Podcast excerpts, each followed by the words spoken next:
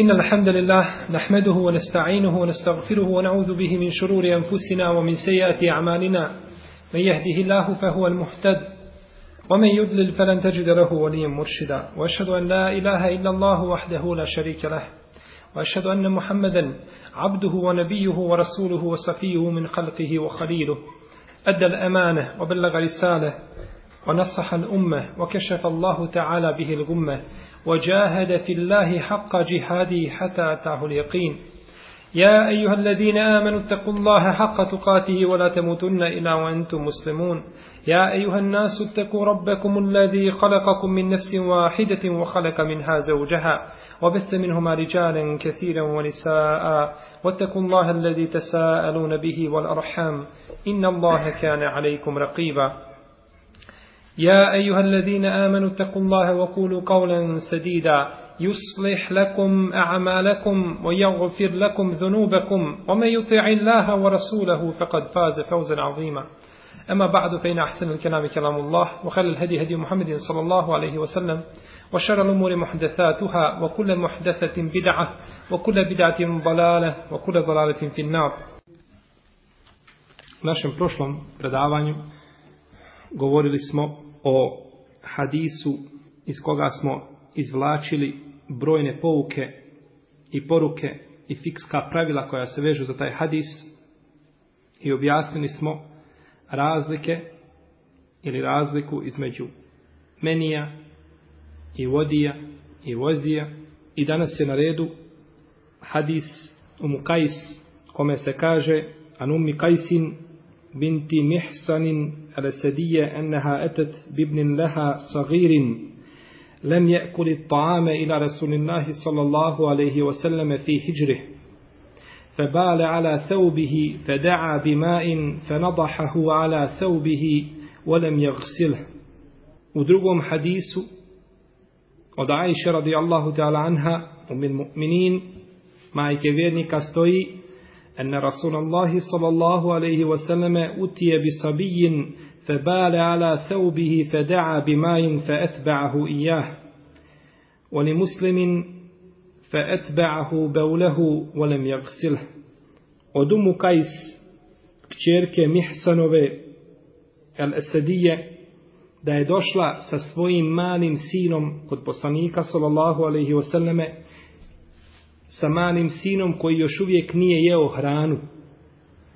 Pa ga je stavila, ili kod poslanika, salosalem, pa ga je stavio u krilo, pa mu je to dijete pomokrilo se na njegovu, salallahu alaihi wasaleme, odjeću, pa je zatražio da mu se donese vode, pa je poprskao vodu po odjeći i nije prao.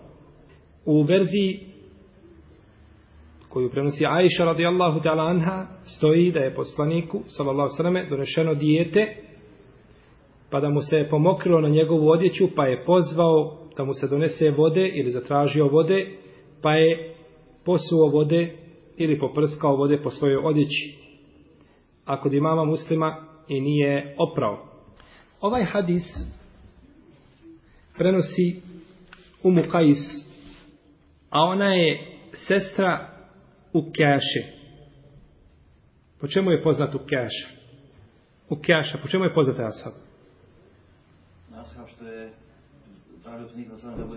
tako je. Od onih 70.000 koji će ući u džene bez polaganja čuna. Šal da i ti budeš jedan od njih. I svi drugi. U keša.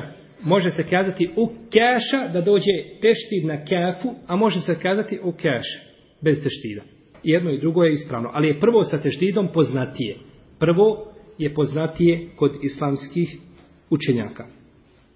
Ova Ummu Kajs je sahabika koja je primila islam u Mekki, učinila hijđru u Medinu i dala prisegu poslaniku sallallahu alaihi wasallame i za nju kaže Ibn al-Attar da joj se ne zna njeno ime osim nadimka, Ummu Kajs, to je nadimak. No, međutim, ispravno je ono što je spomenuo imam Esuhejli u svome dijelu Araub da je njoj ime Amina. Da joj ime Amina. Ibn Abdulber kaže da se je zvala Hudame. Da se je zvala Hudame. Prenosi od poslanika sallallahu alaihi wasallame 24 hadisa i u dva sahiha se nalaze dva hadisa samo. Jedan kod Buharije, a drugi kod muslima. Prenosi se od nje priča da je imala sina malog koji je umro, pa kad je došao čovjek da ga kupa, kazala je, nemoj ga kupati hladnom vodom, pa da mi ga ubiješ. Pogledajte, majčine ljubavi. Dijete je mrtvo, ali pored toga za nje je to živo. Nemoj ga, kaže, hladnom vodom kupati, pa da ga ubiješ. Pa je otišao u Kjaša, kod poslanika, sallallahu sallam, i ispričao mu to. Rekao mu što je ona kazala. Pa je rekao poslanik, sallallahu sallam, da joj se Allah smiluje i da joj produži njen život. Pa kažu ashabi, pa je Allah podužio život i poživio je, ne znamo, kaže, ni jedne žene da je živla koliko ona. Samo zbog dove Allahovog poslanika, sallallahu alaihi wa alaihi wa sallam. U ome se hadisu kaže, lem je kuli ta'am, nije jeo hrane. Ne misli se ovdje da nikada ništa dijete nije pojelo, Allah najbolje zna. Ali se hoće kazati da mu nije hrana bila odnosno ova prirodna hrana koju jedemo, da nije ona bila osnovna hrana, već da je živio od, znači, majčinog mlijeka, znači, toga što je dojio svoju majku. Ovdje je došlo en nabh, nabahahu, da ga je poprskao, da je poslanik, sallallahu esalame, poprskao odjeću po kojoj je on, znači, učinio malu nuždu. A poprskati je da se, znači, samo sa ruke, onako, voda koja ostala na ruci, znači da se otrese i da padne znači na odjeću. To je prskanje. I ne mora curiti voda. Da bi se smatralo prskanjem u terminologiji, ne mora curiti voda. Dovoljno je samo znači da se popršće i da ostane znači trag, trag vode tu. Neka ulema kaže da ovaj dječak kada je učinio nuždu, nije učinio nuždu direktno na odjeću poslanika sallallahu alejhi ve Ovdje je došlo febale ala seubihi, pa je učinio nuždu na njegovu odjeću. Na čiju odjeću? Razumije se da je na odjeću poslanika, sallallahu sallam, no međutim neka olema kažu na svoju odjeću, pa je onda ona vlažnost pokvasila odjeću poslanika, sallallahu sallam. Bilo jedno ili drugo, propis je jedan, a ono što se zaključuje iz hadisa jeste da je taj, znači, bilo direktno na odjeću poslanika, sallallahu alaihi wa alaihi wa sallam. U ovome hadisu imamo nekoliko koristi. Prva od tih koristi jeste da postoji razlika između mokraće muškog i ženskog djeteta koje nisu jeli hranu, koje znači doje, koji doje majku. Jer je ovdje poslanik sa osadem samo poprskao od muškog djeteta. Islamski učenjaci po ome pitanje imaju tri mišljenja. Jedni kažu bilo da se radi o muškom ili ženskom djetetu. Govorimo o djeci koji još uvijek nisu jeli e, hranu ili nije hrana ova prirodna, obična hrana koju mi jedemo, znači nije glavna njihova prehrana, nego je majčino mlijeko. Znači govorimo o tim skupinama djece. Prva skupina islamskih pravnika kažu, bilo da se radi o muškom ili ženskom djetetu, treba oprati. Ne vrijedi prskanje. Ne vrijedi prskanje. Pa su stavili ovdje analogiju ispred hadisa, Allah najbolje zna da je došla analogija ispred hadisa ili su hadisu ovaj našli posebno tumačenje a kazali mokraća djete taj nečista i mora se prati od jednog i od drugog. I ovo mišljenje zastupa imam Ennehaj, Ibrahim Ennehaj, Sufjan Ethauri, imam Ebu Hanife, imam Malik, radijallahu ta'ala anhu međba'in. Druga skupina pravnika kažu ne, dovoljno je poprskati od jednog i od drugog, ne mora se prati. Pa su ovdje djevojčicu priključili propisu dječaka. Pa kažu dovoljno da se popršće. I ovo mišljenje zastupa imam Eleuzaj, neki drugi učenjaci iz prvih pokoljenja i ovo je jedno mišljenje ili jedan stav nekih šafijskih pravnika. Kaže treća skupina, mora se praviti razlika između muškog i ženskog djeteta. Mora se praviti razlika i ovo je stav Ali je radi Allahanu, u Museleme, Ata, Hasan al-Basrija, Ahmeda, Ishaqa, Ibn Ahavoja, jel? Šafije, ashabul hadis, učenjaka hadisa, Davuda ibn Hazma, šehol Islama ibn Kajima, ibn Tejmije i drugi učenjaka. Pa oni prave razliku između muškog i ženskog djeteta. I koriste kao argument ovaj hadis koga sam spomenuo od Umu Kajs i hadisa Iše, da je poslanik s.a.v. poprskao od muškog djeteta. Dobro, kako znamo onda da žensko djete ne ulazi u ovaj propis?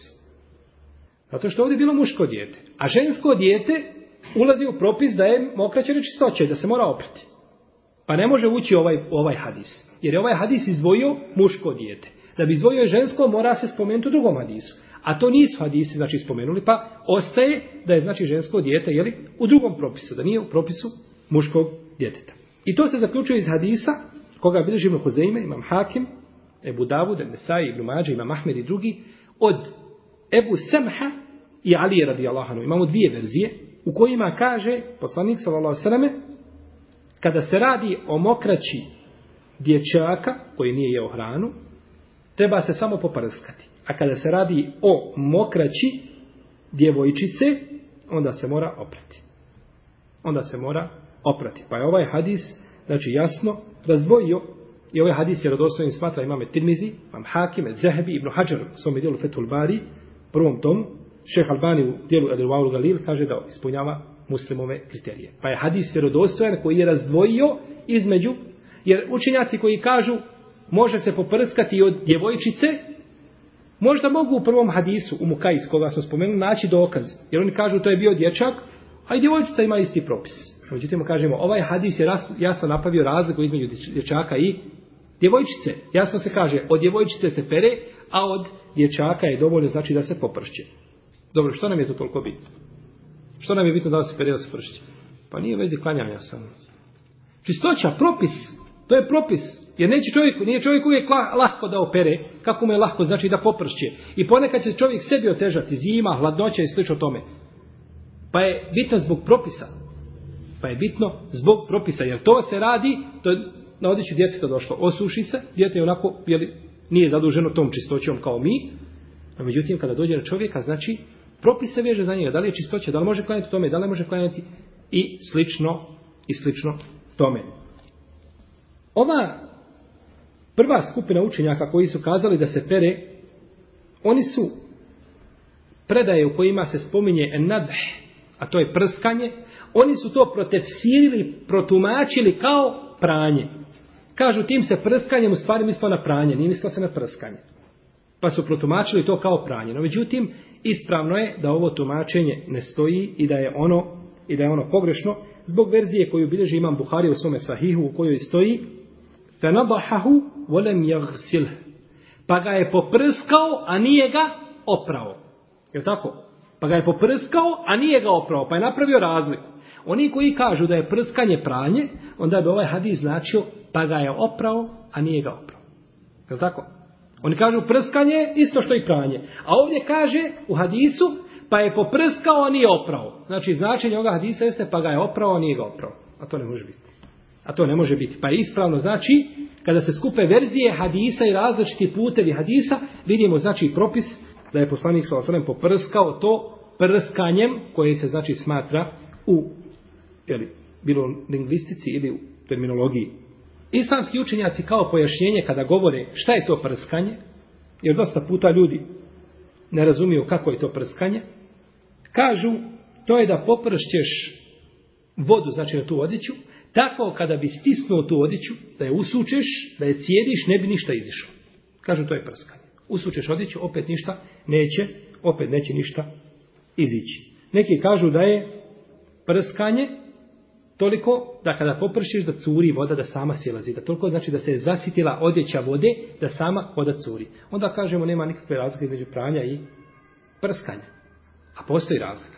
Tako da je prskanje ipak, jer prskanje je vid olakšice. Kada bi ta voda curila sa čega? Sa odjeće, ne bi bilo olakšice. To bi bila samo možda vid otežavanja. Pa stoga kada bi dijete muško malo koje nije još uvijek počelo jesti konstantno hranu prirodnu, nego doji, znači majčino mlijeko, obavilo malu prirodnu potrebu na odjeću čovjeka ili žene ili na mjesto gdje se treba obaviti namaz, dovoljno je da se popršće. Ništa više.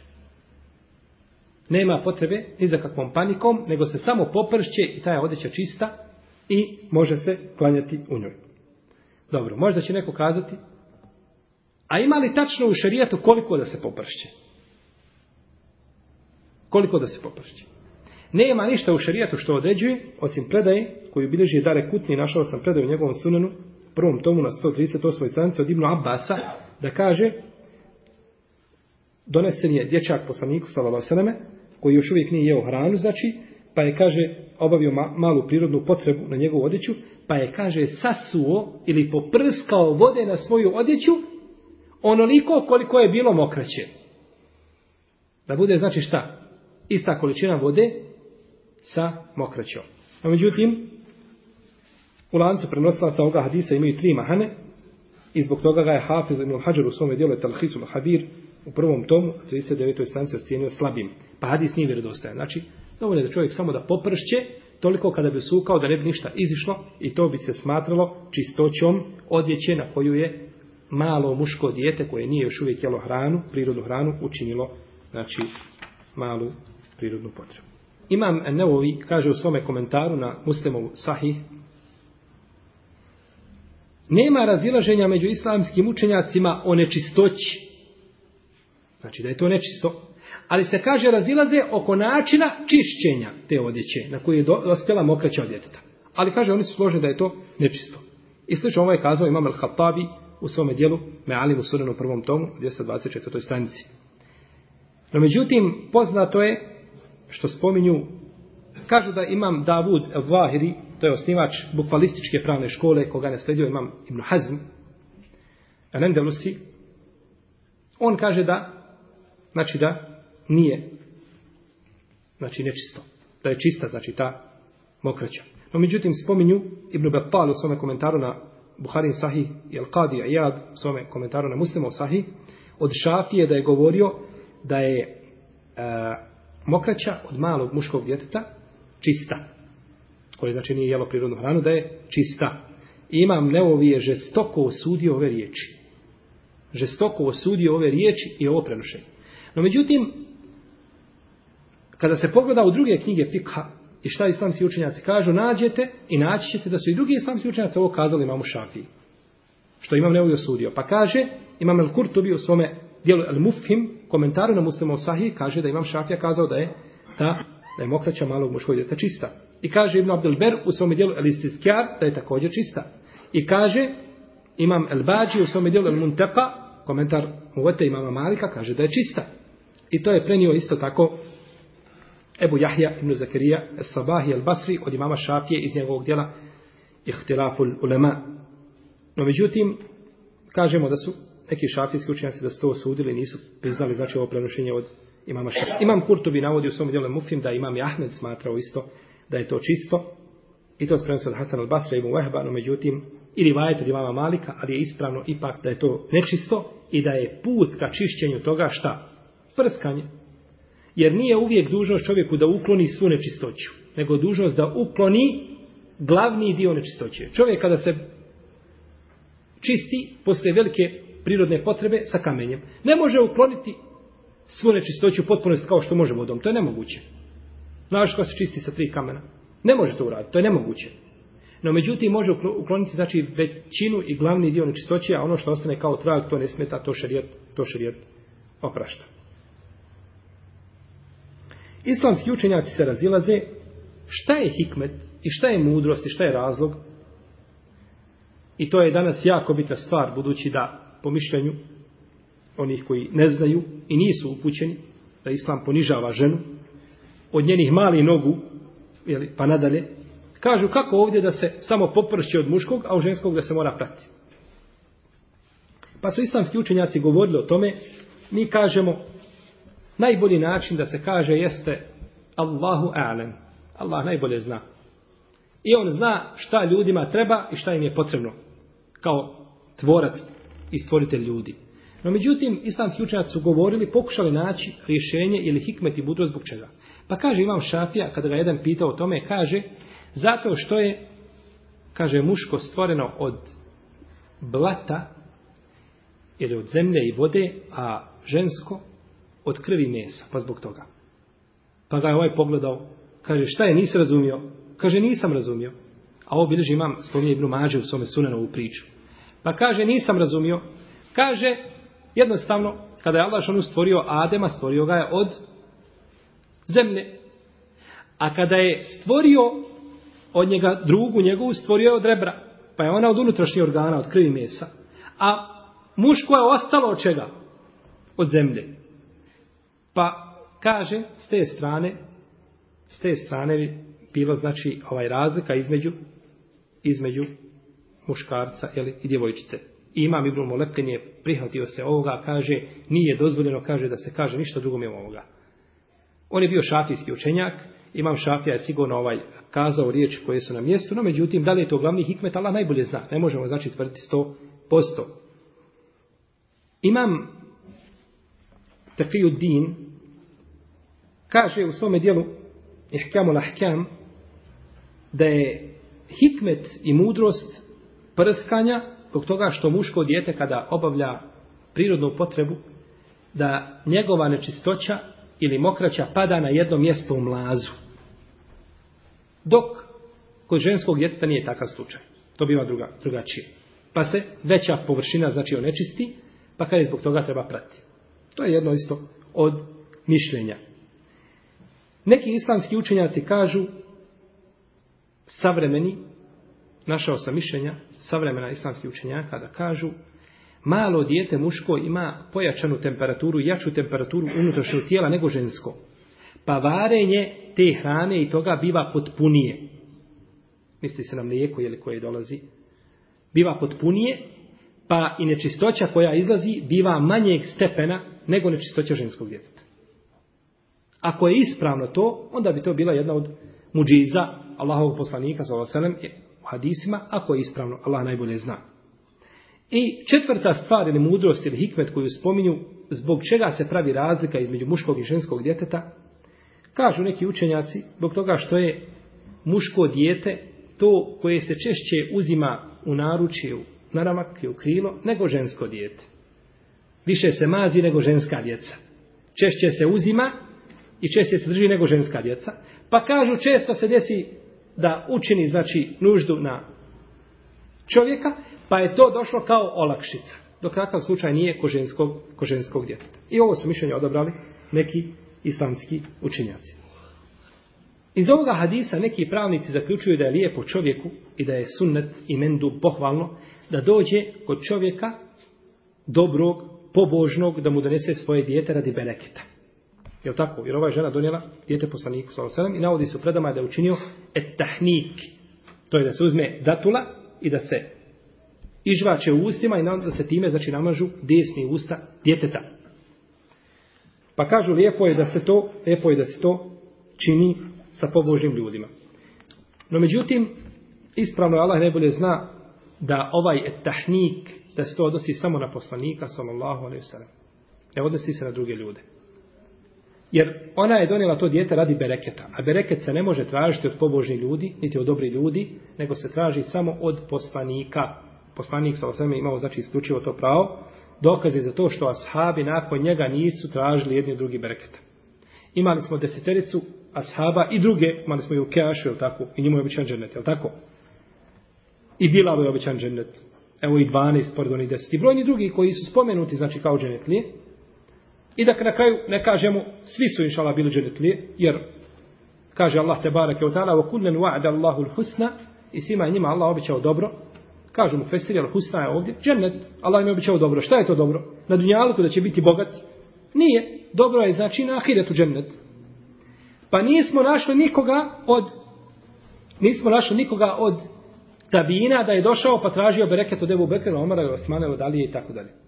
Nisu tražili. Niti su Tabijini tražili od Mujahida i od Hasan al Basrija i od Katade Ibn Musaiba i drugi. Nisu to radili. Nisu to radila generacije, prve generacije prva pokoljenja. To su kasnije učenjaci kazali da je dozvoljeno da straži od dobrih ljudi. Jer mi ne možemo, ko može garantovati da će dobar čovjek skončati na lijep način? Ti mu donio dijete, tražio bereketa i on na kraju završio u širku ili kufru. Može li biti ili može? Može biti. Ko ti garantuje? Ti tražiš od njega bereket, ko ti garantuje? Zato nikada čovjek neka se ne ugleda u žive, neka se uvijek ugleda u one koji se vratili svome gospodaru, a bili na haku i na istini, a takvih je u istinu puno i mnogo. Pa je bolje čovjek da se ugleda u njih, jer živi može biti iskušan, može biti, može biti iskušan. Tako da, niko ne može garantovati da taj čovjek neće završiti, da neće imati ružnu konačnicu, a dijela se čovjeka cijene prema kakvim dijelima? prema zadnjim, prema konačnici. Zato mi molimo Allah Žešanu uvijek da nam učini od najboljim, najboljim znači od naših dijela, ona zadnja koja će učiniti znači pred samu smrt. Jer će čovjek biti proživljen na tim dijelima i prema tim se dijelima vrednuju ostala dijela. Zato je poslanik s.a.v. govorio od isu koga prenosi Muavija, koga je zabilježi imam Ibn Mađe sa dobrim lancem prenoslata, kako kaže Elbusi u Zevajdu i šeha Albani, iakum vod temaduh, fe innehu zebh. Dobro se pazite, kaže da nekoga ne hvalite. I pohvale, jer je to klanje. Pohvala čovjeka, misli se u lice, jer pred njim je klanje za čovjeka. To je za njega fitnet. Kaže, pa mene ljudi hvale, ja sam takav i takav. I onda to sigurno dovede do, do, do uđba, do samoumišljenosti i do kibura i oholosti. I onda čovjek može skrenuti sa pravog puta. Jadan billah. A prenosi se kod imama El Buhari u njegovom dijelu Ledevul Mufred da je Omer radijallahu anhu govorio El medhu zebh Hvala, pohvala čovjeka znači u lice, jeli to je klanje Klanje čovjeka bez noža Pa ne treba da ga hvali u lice Dobro, kada mu doneseš dijete da mu učini tahnik jesi li ga pohvalio toga čovjeka? No više od toga Kudi kamo više od toga? To je više nego pohvala. Pa to može čovjeka dovesti do uđba, znači i samumišljenosti, tako da ispravno da je ovaj propis ostaje samo za poslanika, sallallahu sallam, i da ne prelazi druge. I mi smo govorili o Teberroku, posebno kada smo govorili u, o poslaniku, sallallahu sallam, u seriji predavanja. U ome hadisu je također dokaz kako je poslanik, sallallahu sallam, lijepo postupao i kako je bio blag sa malom djecom. I u njemu je dokaz da čovjek da bi očistio nečistoću ne mora rukom preći preko nje. Je tako? Ne mora znači ruka doteći nečistoću da je ruka ukloni, nego je znači bilo dovoljno prskanje. Bitno je da se ukloni nečistoća. Pa kada bi čovjek na nečemu vidio nečistoće, dovoljno je to znači sa pere vodom, ako voda to sa pere, to je čisto, ne mora rukom preći preko toga da rukom to pere. I to je znači isto bitan propis. Iz ovoga hadisa se isto tako zaključuje da je obaveza prati mokraću muškog djeteta koje je jelo prirodnu hranu, je li tako? Ako je Allahov poslanik poprskao od onoga koje nije jelo, onda se zaključuje da treba poprskati od onoga djeteta koje je jelo. Jer to se zaključuje iz hadisa. Isto tako u hadisu je dokaz da je lijepo nositi malo dijete. Uzeti znači malo dijete, njegovati ga i paziti ga. Kako je činio poslanik Salao Saneme? I u ovome je isto tako uvažavanje starijeg i roditelja. Zar čovjeku ne znači kada neko dođe uzme njegovo dijete, naruče, poljubi ga ili mu kupi nešto, nekakav sitan poklončić i tako dalje. Sigurno da to jača odnos između znači odrasli, između odrasli. Što se tiče ovoga djeteta, kaže Ibn Mulekin, nakon što sam se dobro namučio tražeći njegovo ime, kaže, nigdje po knjigama nisam mogao naći koje je to dijete. Pogledajte šta su islamski učenjaci subhanu, nisu dozvoljavali, pa dobro, kogod da je bilo to dijete? Uzmite, ne znam koji ashab da je bilo to dijete. Šta nakon toga? Nikakav propisa ne veže. Bio ovaj ili onaj, bila bi to odlika njemu da je Allahov poslanik njemu to učinio. Ali svi su ashabi onako na dobru i na hajru. No međutim, kaže, nakon kaže što sam se jako puno namučio tražeći, kaže, nigdje to nisam mogao naći. Znači čak nisu dozvoljavali ni ove sitnice da promaše i da ne nađu. I zato Ibn Hajar u svome komentaru Fethul Barija često spominje kada dođe i jedan je čovjek uradio, kaže i ne mogu naći nigdje ko je taj čovjek. Same riječi ne mogu naći nigdje ko je taj čovjek, znači da je preturio knjiga i knjiga, ali nije mogao naći ko je taj čovjek. Pa je tražio da nam kaže imena ljudi koji su, kojima se nešto desilo. Čak kaže jedne prilike, odlučio sam, kaže, da napišem imena svih ashaba nad kojima je izvršena šarijatska kazna. Da to pokupim po rivajetima. To je razbacano po sahih ovim knjigama, po mustadima, meađivima, sunenima. To nije lahko prikupiti. To je posao, jako velik posao. I to može stvarno hadijski stručnjak kaže pa sam to naumio da učinim i na nije tio kaže pa sam odumio pa sam odumio. Jer je osnova da prikriješ muslimana, a nije, kaže, osnova da iznosiš njegove mahane. Kaže se nad jednom ženom, i ashabi često kažu, ne spominju ime žene, El Gamidije, ili Majza, Ibn Malika, nego kažu jedan čovjek ili jedna žena. A zna se da je jedno od njih dvoje. Ali kažu čovjek ili žena, ili ona žena koja je učinila tako i tako. Ne spominjuje, ne spominjuje po imenu. Kaže, pa sam odumio toga, jer je osnova da čovjek ne spominje imena, nego bitno je dovoljno je kazati jedna žena koja je učinila tako i tako bila ona ova ili ona, zvala se ovako ili onako, to za nas ništa ne znači. Za nas znači, znači da je to bila žena i da je učinila tako i tako i kakav je, i kakav je propis. Pa je znači ostavio i nije znači napisao tako djelo. I ovaj hadis isto tako ukazuje nam na lahkoću i usr ovoga dina, ove vjere. Kako nije opterećenje, kako je vjera jednostavna i lagahna za praktikovanje, i kako je uzvišen Allah te barake od tada učinio lahkoću i olakšicu za čovjeka u vjeri. Kazali smo da hadis isto ukazuje znači na skromnost i skrušenost poslanika sa vaselem da uzime dijete i stavi ga u svoje naručje, a on vladar muslimana, ne samo to, a on Resulullah, a ne samo to, on najbolji čovjek koji je kručio zemaljskom kuglom, a ne to, on najbolje stvorenje koje ikad Allah stvorio. I pored toga uzme, znači, to dijete opet u svoje u svoje naručje. Pa šta onda da kažemo za roditelja koji, kada uzme svoje dijete pa mu se pomokne na odjeću, galami na njega, vrijeđa ga, naziva ga pogrednim menima, možda ga proklinje. Često u arapskom svijetu ljudi proklinju dijete. Zašta? Nema, ne treba dijete nikada proklinjati. Ali da, kada bismo kazali da treba, onda bi kazali zašto treba i zašto ne treba. Iako ne smije nikada. Kaže, Allah jela ne buke maštorak. Tako kaže na njihovom narodnom jeziku. Kaže, i Allah ti prokleo babu što spametan. Allah ti prokleo babu što spametan. Šta znači to? To znači Allah ti bacio babu u najdublje dubine džahennema i nikada tvoj babo ne išao iz džahennema što spametan. To je značenje riječi Allah prokleo ti babu što spametan. Pa proklenjanje je pružna i pogrdna osobina. I spominjali smo prethodne večeri da čovjek ne zna kada će Allah šanu jeli primiti njegovu dobu. Hadisu koga bliži ima muslim u svome sahiju, kaže poslanik sallallahu alaihi wa sallame, لا تدعوا على أولادكم ولا تدعوا على أموالكم لا توافقوا من الله ساعة يسأل فيها عطاء فيستجيب لكم Nemojte, kaže, dobiti protiv svoje djece. I nemojte dobiti protiv svoga imetka. Ni protiv auta, ni protiv para, ni protiv bilo čega. Protiv čega bilo čovjek da dovi, kaže da ne bi slučajno se desio i zatrefio trenutak u kome Allah prima, dove i daje ono što se traži, pa će vam kaže da to. Pa šta ćete onda? Pa ste sami sebi napravdu činili. Pa nemojte doviti. Pa znači nije dozvoljeno čovjeku da dovi protiv djeteta ili da ga vrijeđa zbog toga što je to djete uradilo. A ako ga udari, griješan je širijetski. Ako ga udari dijete zbog toga, malo dijete o kome govorimo, griješan je širijetski. Ma grije. Jer mu je nepravdu učinio i zulum i nepravedan je dijete ne zna.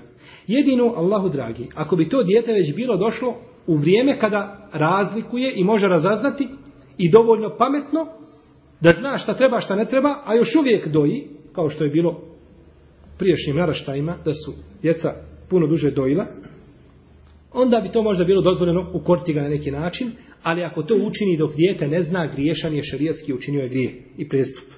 I dosta ljudi kada vidi dijete da obavlja malu prirodnu potrebu tako na mjestu gdje ne treba, zagalami na njega. A to je jako pogrešno. Zagalami na njega i prekine ga. I to je sa medicinskog stanovišta je ustanovljeno da je to jako opasno za dijete. Jako opasno za dijete da od toga može dobijeti moćne, noćne more i slično toga, nego treba pustiti dijete da završi. Gdje je počelo, pusti ga. Allahov poslanik sallallahu alejhi ve selleme vidio čovjeka pustinjaka, a doćemo naredom našem narodnom predavanju inshallah taala kada bude naredna medresa govorimo o tome hadisu. Hadis Anas. Da je pustinjak ušao u džamiju u jednoj u jednom uglu džamije činio malu prirodnu potrebu. A sahabi skočili da mu zabrane i da ga ukore, a kaže poslanik, ostavite ga. Kaže, pustite ga. Pa kaže, kada je završio, e kaže, hajte sada saspite samo jednu posudu vode na to mjesto. Nije ga htio prekinuti odraslog čovjeka. A kako onda dozvoljeno prekinuti? Prekinuti dijete. Pa ne treba ga prekidati, treba ga pustiti. Šta je počelo? Neka završi. Znači, stoća se lahko može učistiti. Alhamdulillah, koji nije nama učinio, alhamdulillah, koji nam nije učinio, znači u našoj vjeri poteškoća, pa to može očistiti. I bileži imam tabarani u svome dijelu, el muadžemu leusat, pogledajte braće ove predaje, pogledajte huluka poslanika sa i njegove milosti prema ummetu.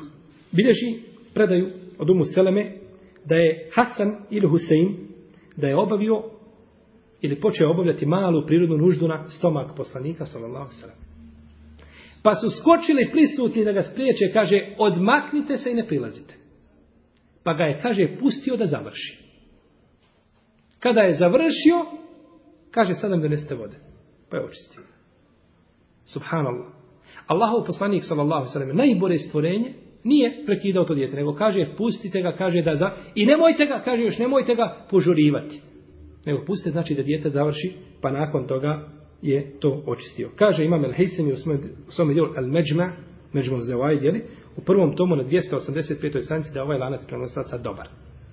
Znači u dobroj se predaj navodi da je poslanik Salova Srme tako, tako postupio. I ova predaj ima drugi lanac prenosaca ili drugi put u njegovom dijelu El Mođemul Kebir, ali u njenom lancu prenosaca ima Lejs ibn Sulejm, a on je imao slabo pamćenje. U svakom slučaju, prva ova verzija je ispravna od poslanika, sallallahu alaihi sallam, što nam ukazuje na milost Allahovog vjerovjesnika prema, prema djeci. U nekim se čak predajama navodi da je stavljao Hasana i Husena na leđa i da je hodao, što mi kažemo, jeli, sallallahu alaihi sallam, četvoronoške, pa kaže, ni'me džemelekuma hada. Kaže, lijepe li vaše deve?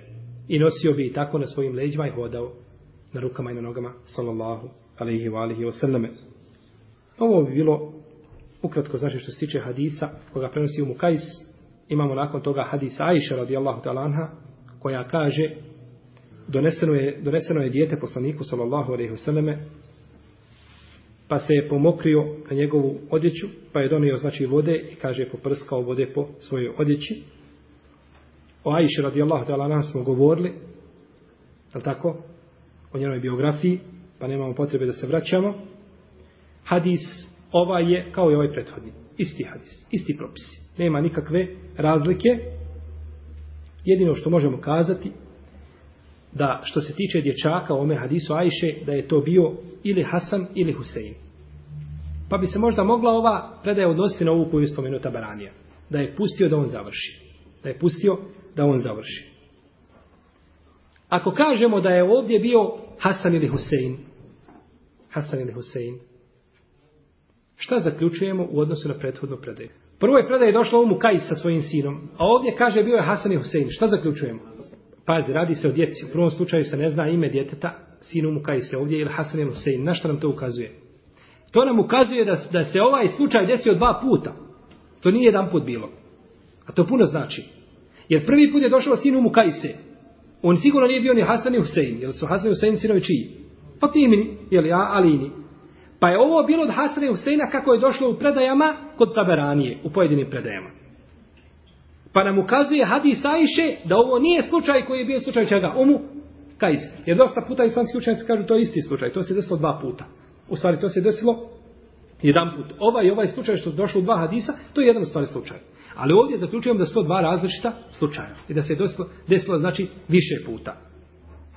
Pa možemo iz toga zaključiti da Allahov poslanik nije obazirao pažnje na to i da se je moglo desiti još koliko hoćeš puta da to Allahov poslaniku sa osrem nije smetalo. Nije kazao to se desilo jedan put i završeno nikad više neće malo dijete moje naruši, je tako? Nego znači nakon toga je nastavio što ukazuje sa osam na njegovu milost i ukazuje na jusr ili jeli lahkoću ove naše vjere i našeg šerijata. Volillahi alhamd. Što se tiče znači propisa hadisa, oni su, jel, hadisa, oni su isti kao i propisi hadisa u Mukajs pa bi ovim, inša Allah, htjela privili kraju današnje predavanje. Nakon toga sledi nam peti hadis u ovome pogledu, pogledu Mezija, to je hadis Senesa i ovoga pustinjaka, o kome ćemo govoriti, inša Allah, u našem narodnom predavanju. Molit će Allah, te barak i da nas pouči našoj vjeri, sunnetu poslanika, sallallahu alaihi sallame, popravi naše stanje i stanje naših porodica i da nam najboljim od naših dijela učini zadnje od njih. Allahu te ala anem, sallim lahum ala nebina Muhammed, wa ala alihi wa sahabi ajmai. Jazakum Allah khair. pitanje koje je stiglo preko interneta. Šta savjetujete sestri, bratu i sestri koji od namaza samo imaju još farzove, a zapustili su iščitavanje Kur'ana, tako da brat ima sigurno godinu dana ni uzeo Kur'an da čita. Sve svodi na slušanje kaseta učenja Kur'ana. Šta vi savjetujete takvom bratu i sestri da sada nagrad? Mi znamo da je čovjek ovdje na zemlji u stalnoj borbi sa šeitanom, i sa džinima ljudskim i šeitanskim koji ga nastoje odvesti sa pravog puta. I da čovjek mora nastojati da održi se na istikametu i na pravom putu. Inša Allah ta'ala ćemo govoriti ako Bog da je u istikametu. I da mora paziti posebno na namaz. Jer kažu islamski učenjaci da se čovjek obiltizam ili držanje za vjeru vrijedno je prema sunnetima, ne prema farzovima. Nego se vrijedno je prema sunnetima. Ti farz, brate, moraš klanjati. Ti ne htio moraš. Jer ne možeš biti musliman bez toga. Hoš biti u krugu muslimana i da selam nazivaš i da ti se selam naziva, moraš klanjati, ne ide drugačije. Pa to je ono prema čemu, ne miri se prema tome, znači ne miri se prema tome iman, nego se iman vjeruje prema sunnetima, miri se prema dobrovoljnim dijelima koja trebaš ili koja ćeš činiti. Jer čovjek koji klanja sunnete, jel može ostaviti farz? Jel logično da ostavi farz? Nije. Čovjek klanja noći namaz. Nepojmljivo je da taj čovjek ostavi podne namaz. To je, ne, to je potpuno nelogično. Ili čovjek klanja ponedjeljak ili posti ponedjeljak i četvrtak, a ne klanja, ne posti namazano, prostite. Znači posti dobrovoljni post, bijele dane, ponedjeljak ili četvrtak, a da ne posti namazano. To je nemoguće, to je nestatljivo. No, međutim, čovjek koji ostavi sunnete, može li ostaviti farz? Može. To je put ka farzu. Jer nećeš ti prvo ostaviti farz pa onda sunnete, nego prvo ostavaš sunnete pa farz. To je stepenovanje. Pa te šeitan vodi stopu po stopu. Pa te vuče, ali kaže, e onda kaže čovjek, ali ima hadis da je poslaniku došao čovjek koji je kazao, neću ni dodati ni oduzeti, je li tako? Kaže, šta mi je Allah što naredio? Kaže, pet namaza, kaže, neću ni dodati ni oduzeti. Kaže, Allahov poslanik, sallallahu sallame, ako je istinu rekao ući u džennet, To je tačno, to je tako, tebi sunnet nije obavezan. Nisi obavezan da klanjaš. Ali znaš li da će Allah te barak je otala na sudnjem danu pogledati u tvoj parz I šta ne bude dobro da se to nadomesti odakle? Od sunneta. A ako ne budeš imao odakle nadomesti, šta ćeš onda? Pa je čovjeku bolje da ima nešto u zalihi, ako već može imati. A mi znamo kakvi su naši namazi i hali stanje u kome se nalazimo, pa da je sigurno bolje čovjeku da ima, znači, i sunnete. I da su sunneti, u stvari, stražar farz namaza koji ga čuvaju. U protivnom, Boga mi da će čovjek ostaviti farzi da će početi sa farzovima se, da će početi sa farzovima se igrati. Tako da čovjek ne treba znači oko namaza da se igra sunneti nisu obavezni, ali pored toga je Allahov poslanik sallallahu alejhi ve selleme obećao onome ko klanja u danu 12 rekjata sunneta, to su dva rekjata sabaskog, četiri prije podne i dva poslije podne, dva poslije akšama, dva poslije jacije, da će ući, da će mu Allah što sagraditi kuću u džennetu. Pa je to pa je to sigurno velika odlika čovjeku da ne propusta znači sunnete i da u sunneta klanja šta može, jer ta dva rekiata koja klanja sunneta na sudnjem danu, bit će mu draža nego i žene, i djeca, i roditelji, i zemlja, i sve što je između nebesa i zemlje. Samo dva rekiata, jedna sežda čovjeku na sudnjem danu će biti draža nego sve što je u očima mogao na dunjaluku pregledati i pomisliti da ima. Samo jedna sežda. Pa šta onda mislite na čovjeku koji ostavi toliko sežde i sunneta, hvala Allahu što koji je učinio, znači mogućnost da se klanja. Pa ne treba se znači igrati sa tim, treba čovjek paziti na svoju vjeru, na svoj din. Jer ako se poigra sa nijemetom i blagodati, nakon upute, Boga mi bojete se da Allah što neće onda čovjeka više uputiti. A što se tiče iščitavanja Kur'ana, to je musibet sličan ome ili većim od njega. Čovjek koji ostavi čitanje Kur'ana je kao prazna, zapaljena, napuštena kuća. Kako kaže poslanik sa osram. Nema u njemu ništa. Ko ostavi, znači, učenje Kur'ana, Ibn Mesaud, radijallahu ta'ala anhu, nije htio postiti dobrovoljni post. Pa kada su ga upitali zbog čega, kaže, ako postim dobrovoljni post, ne mogu učiti Kur'an. A učenje Kur'ana mi je draže, kaže, od dobrovoljnog posta. Kaže, šeho li sam Ibn Kajim, postio sam ponedljak i četvrtak. I postio sam bijele dane. Kaže, pa sam počeo posti Davudov post, dan postim, dane postim. Kaže, pa sam, a čitao sam, kaže, svaki dan po pet džuzeva Kur'ana. Kaže, pa sam spao da čitam dva. Ne mogu. Nema snage čovjek. Pa, kaže, ostavio sam post dan za danom i postio kao što sam prije postio i, kaže, nastavio učiti pet džuzeva. Pa su ljudi voljeli i Selef je volio više učenje Kur'ana nego dobro ni post. I znamo kolika je nagrada za čovjeka koji uči Kur'an. I Kur'an je temelj naše vjere. Kako čovjek da se pripisuje nekom vjerozakoniku, a ne zanima ga, niti ga iščitava, niti ga proučava i sveče o tome. Sigurno da je to šteta. I znamo koliko nagradu čovjek ima za svaki harf po deset dobrih dijela. Doće dvojice ljudi na sudnji dan, isto radili, samo jedan čitao više Kur'an. I doći na sudnji dan, da znači će ovaj imati brda dobri dijela koja neće imati njegov prijatelj. Da ne bi imali, kada ne bi imali drugog hadisa, osim hadisa o kome poslanik sa osanem had, kaže koga bilježi imam tirmizi u svome džamija, da će čovjek doći na sudnji dan i da će mu Allah ono reći, uči i penji se. Uči i penji se. I bit će tvoje mjesto i tvoja deređa na zadnjem ajetu koga proučiš. Zato imam al-Khattabi kaže, u dženetu ima 6600 nešto stepeni. Shodno broj kuranskih ajeta. Jer čovjek koji prouči jedan ajet iće za stepen više. U protivnom bi dvojica, jedan zna za par ajeta više, a drugi manje, bili na istom stepenu, tako? Ali svaki ima svoj stepen. Pa kažu, toliko u dženetu ima stepeni. Pa kako je lahko doći do Allahovog tebara kao tala dženeta i kako nam je dao priliku, a kako se ljudi poigravaju, znači sa tom prilikom i neće da iskoriste. Ako znamo predaju koju je poslanik sallallahu sallam kaže da će čovjek na sudnjem danu poželiti da mu se njegovo meso sa kliještima odvajalo od kostiju, da samo dobije stepene koja su dobile njegova braća. Sve bi trpio na dunjalku. Da ga prepole na dva dijela, samo da dobijem te stepene, kada vidi ljepote koje su date. Pa ne treba čovjek tražiti da mu niko odvaja meso od njegovih kostiju. Evo puta i naša se zarade ti stepeni. No, međutim, ponekad je li čovjek upadne u futur i u nemar i u gaflet, pa ostavi ono što je dobro i što je vrijedno, znači treba čovjek se pokajati, a malšanu vratiti, nastojati što može više, da se druži sa braćom muslimanima koji uče puno Kur'an. I kako mi je drago kada čujem od brata muslimana, kaže, otišao sam kod brata u zijaret posjetu, kaže, pa smo večerali i tako, i kaže, hajmo sada učiti Kur'an. Kako je to lijepa osobina, kako je to lijepo svojstvo i kako je to lijep, lijepo iskoristavanje vremena. Jer sjediti, pričati, praznu priču ganjati, nema toga koristiti. Hajmo učiti Kur'an, sigurno da je u tome hajr i da je veliko dobro, pa neka čovjek nastoji da iskoristi ga nimet, plijen koji mu je Allah što dao dok ima priliku. Salamu alaikum. Ima jedan hadis ili hadis kudci, ne znam tačno. Kada je Allah Đelešanu rekao Musa'u, pitao ga je šta radiš za mene o Musa, pa je Musa rekao pa klanjam, postim i tako dalje. Allah Želešanu je rekao, to radiš za sebe. Jesi li me posjetio kada sam bolestan? Jesi li me napojio kada sam žedan i tako dalje? Pa me interesuje šta to čovjek kad radi za Allaha koje radnje i djela. Ima drugi dio ovoga hadisa, jeste vjerodostojan da čovjek posjeti Allaha Želešanu. Kako da posjeti? Misli se da posjetiš njegovog roba.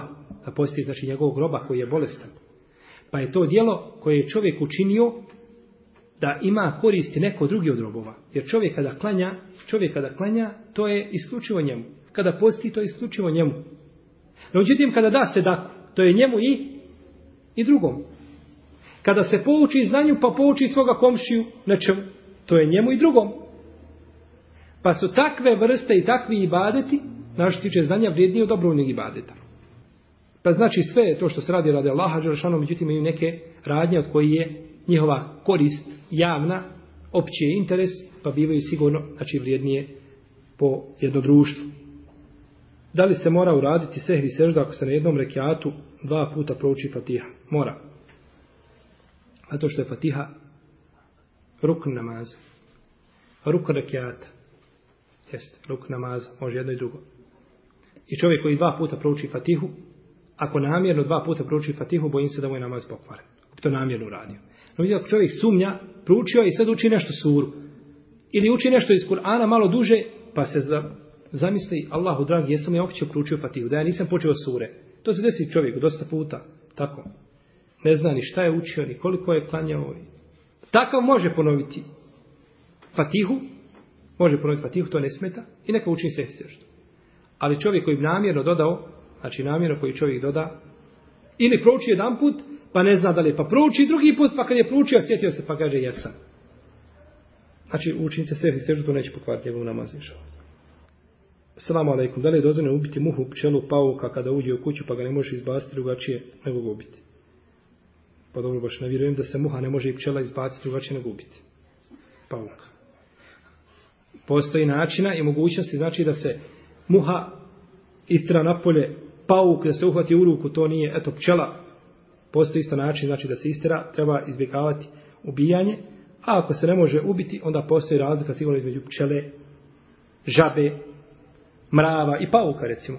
Jer je ove prve tri skupine zabranjeno ubijati, a muhu, kao muha koja uznemirava, nije.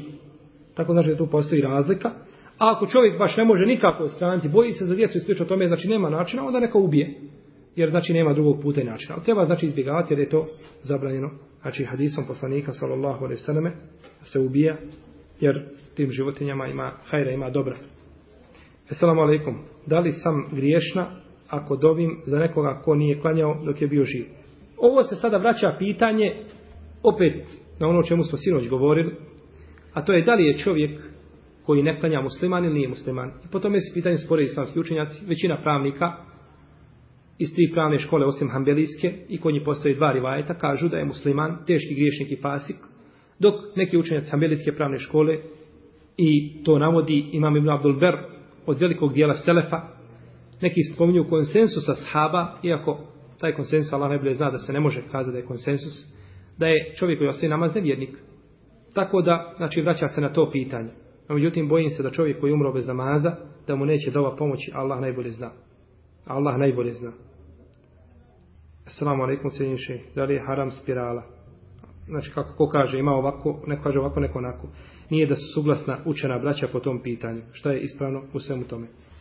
Ja ne znam koliko spirala sa medicinskog stanovišta štetna, vjerojatno da postoje prigovori, znači, stručnjaka tome, ali spirala kao spirala ne bi bila zabranjena, ako je ženi dozvoljeno, znači da prekine svoj porod. Kao žena koja, znači, već izmorena porodima, i štetno djelo na njeno zdravlje ili je pouzdan liječnik utvrdio da bi svaka njena naredna trudnoća mogla biti kobna po nju i imati jako negativne posljedice i slično tome po njeno zdravlje, onda dostavi spiralu da se zašto i neće smijetiti. Jer spirala, spirala je sigurno manje šteta nego, nego znači same pilule. Iako sam čuo da spirala prouzrokuje rak, Ne znam koliko to je tačno, treba provjeriti kod srušnjaka, možda su to samo glasine i priče koje nemaju znači osnove, ali treba znači provjeriti pa vidjeti. U principu kontracepcijalno sredstvo koje je dozvoljeno čovjeku da uzme i bilo koje od tih sredstava je dozvoljeno koristi, ako je znači žen dozvoljeno da koristi, da koristi znači nešto od tih sredstava na kontracepciju. No međutim, ako nije, ako žena nema opravdanja nikakvog, jednostavno da neće da rađa, da bi se ugledala, na one koje čuvaju svoje tijelo, a neće da rađaju, onda bi to bilo zabranjeno i to bilo haram. Pa znači, shodno potrebi. Allahu Teala. Salamu alaikum. Kome je sve dozvoljeno da klanja dženazu? Mislim, od imama i može ni u oporuci napisati, na primjer, da ti rođeni brat klanja ili bilo ko drugi koga ti ne vidiš. Može, ne mora imam klanja dženazu. I imam zadužen da klanja dženazu. Najbolje je da čovjek klanja dženazu, neko njegovi bližnji, ko poznaje propise kako da se klanja i slično tome, ako ne poznaje neka klanja, znači neka klanja neko koga on želi i kome želi uporučiti da mu klanja dženazu. Ajša radijalno tala ne oporučavala, majke vjernika, jashabi su oporučili, Ebu Horere je oporučio, i Omer je oporučio, i brojni su drugi znači oporučili, i čovjek je dužnost da vodi brigu o sebi. Čovjek cijeli život živi po sunnetu poslanika, sallallahu sveme, i onda na kraju dođe dženazom, uklanja neko koje je najveći možda nesvjesno ili svjesno protivnik sunneta pa mu klanja dženazu po svojim nahođenjima i u dženazi namazao i sa, samo je znači dženazi namazao ćete naći 20 bidata i novotarija i tako dalje sigurno da čovjek to nije dozvoljeno neka znači napiše onda ko će mu klanjati ko će mu klanjati dženazu i način kako se klanja dženaza i neka napiše kako će se ukopavati da me ukopate fino na takav i takav način da mi ne učite ni jasina ni tevhida ni mevluda na kaburu da se ne nariče na mome kaburu, da mi ne stavljate nišana i da ne, ne gradite oko moga kabura, da i ne držete nikakve mauzoleje i one stubove i slično tome, nego jednostavno da moj kabur bude čist od svega toga. Pa je čovjeku obaveza da to poruči, jer bit će pitan zbog čega to nije uradio. Jer ti znaš da će nakon tebe doći neko ko će te ukopati na nešerijatski, nepropisan način. I onda pored toga čovjek znači ne napiše oporuku. To je kada čovjek zna vidi i osjeti da mu se je približio čas smrti, može oporučiti slično tome naravno, da ona ne, što mi kažemo, ne planira na smrt, jeli, a toga nema kod Allah Žešanu, on određuje kako hoće i šta hoće. Ako čovjeku dođe što mi kažemo iznenada smrt, sigurno da neće biti inšalatela pitan za ono što urade oni nakon njega. Ali treba, znači, uraditi ono što može. Allahu te ala alemu, sallallahu me ala nebina Muhammed, ala alihi wa sahabi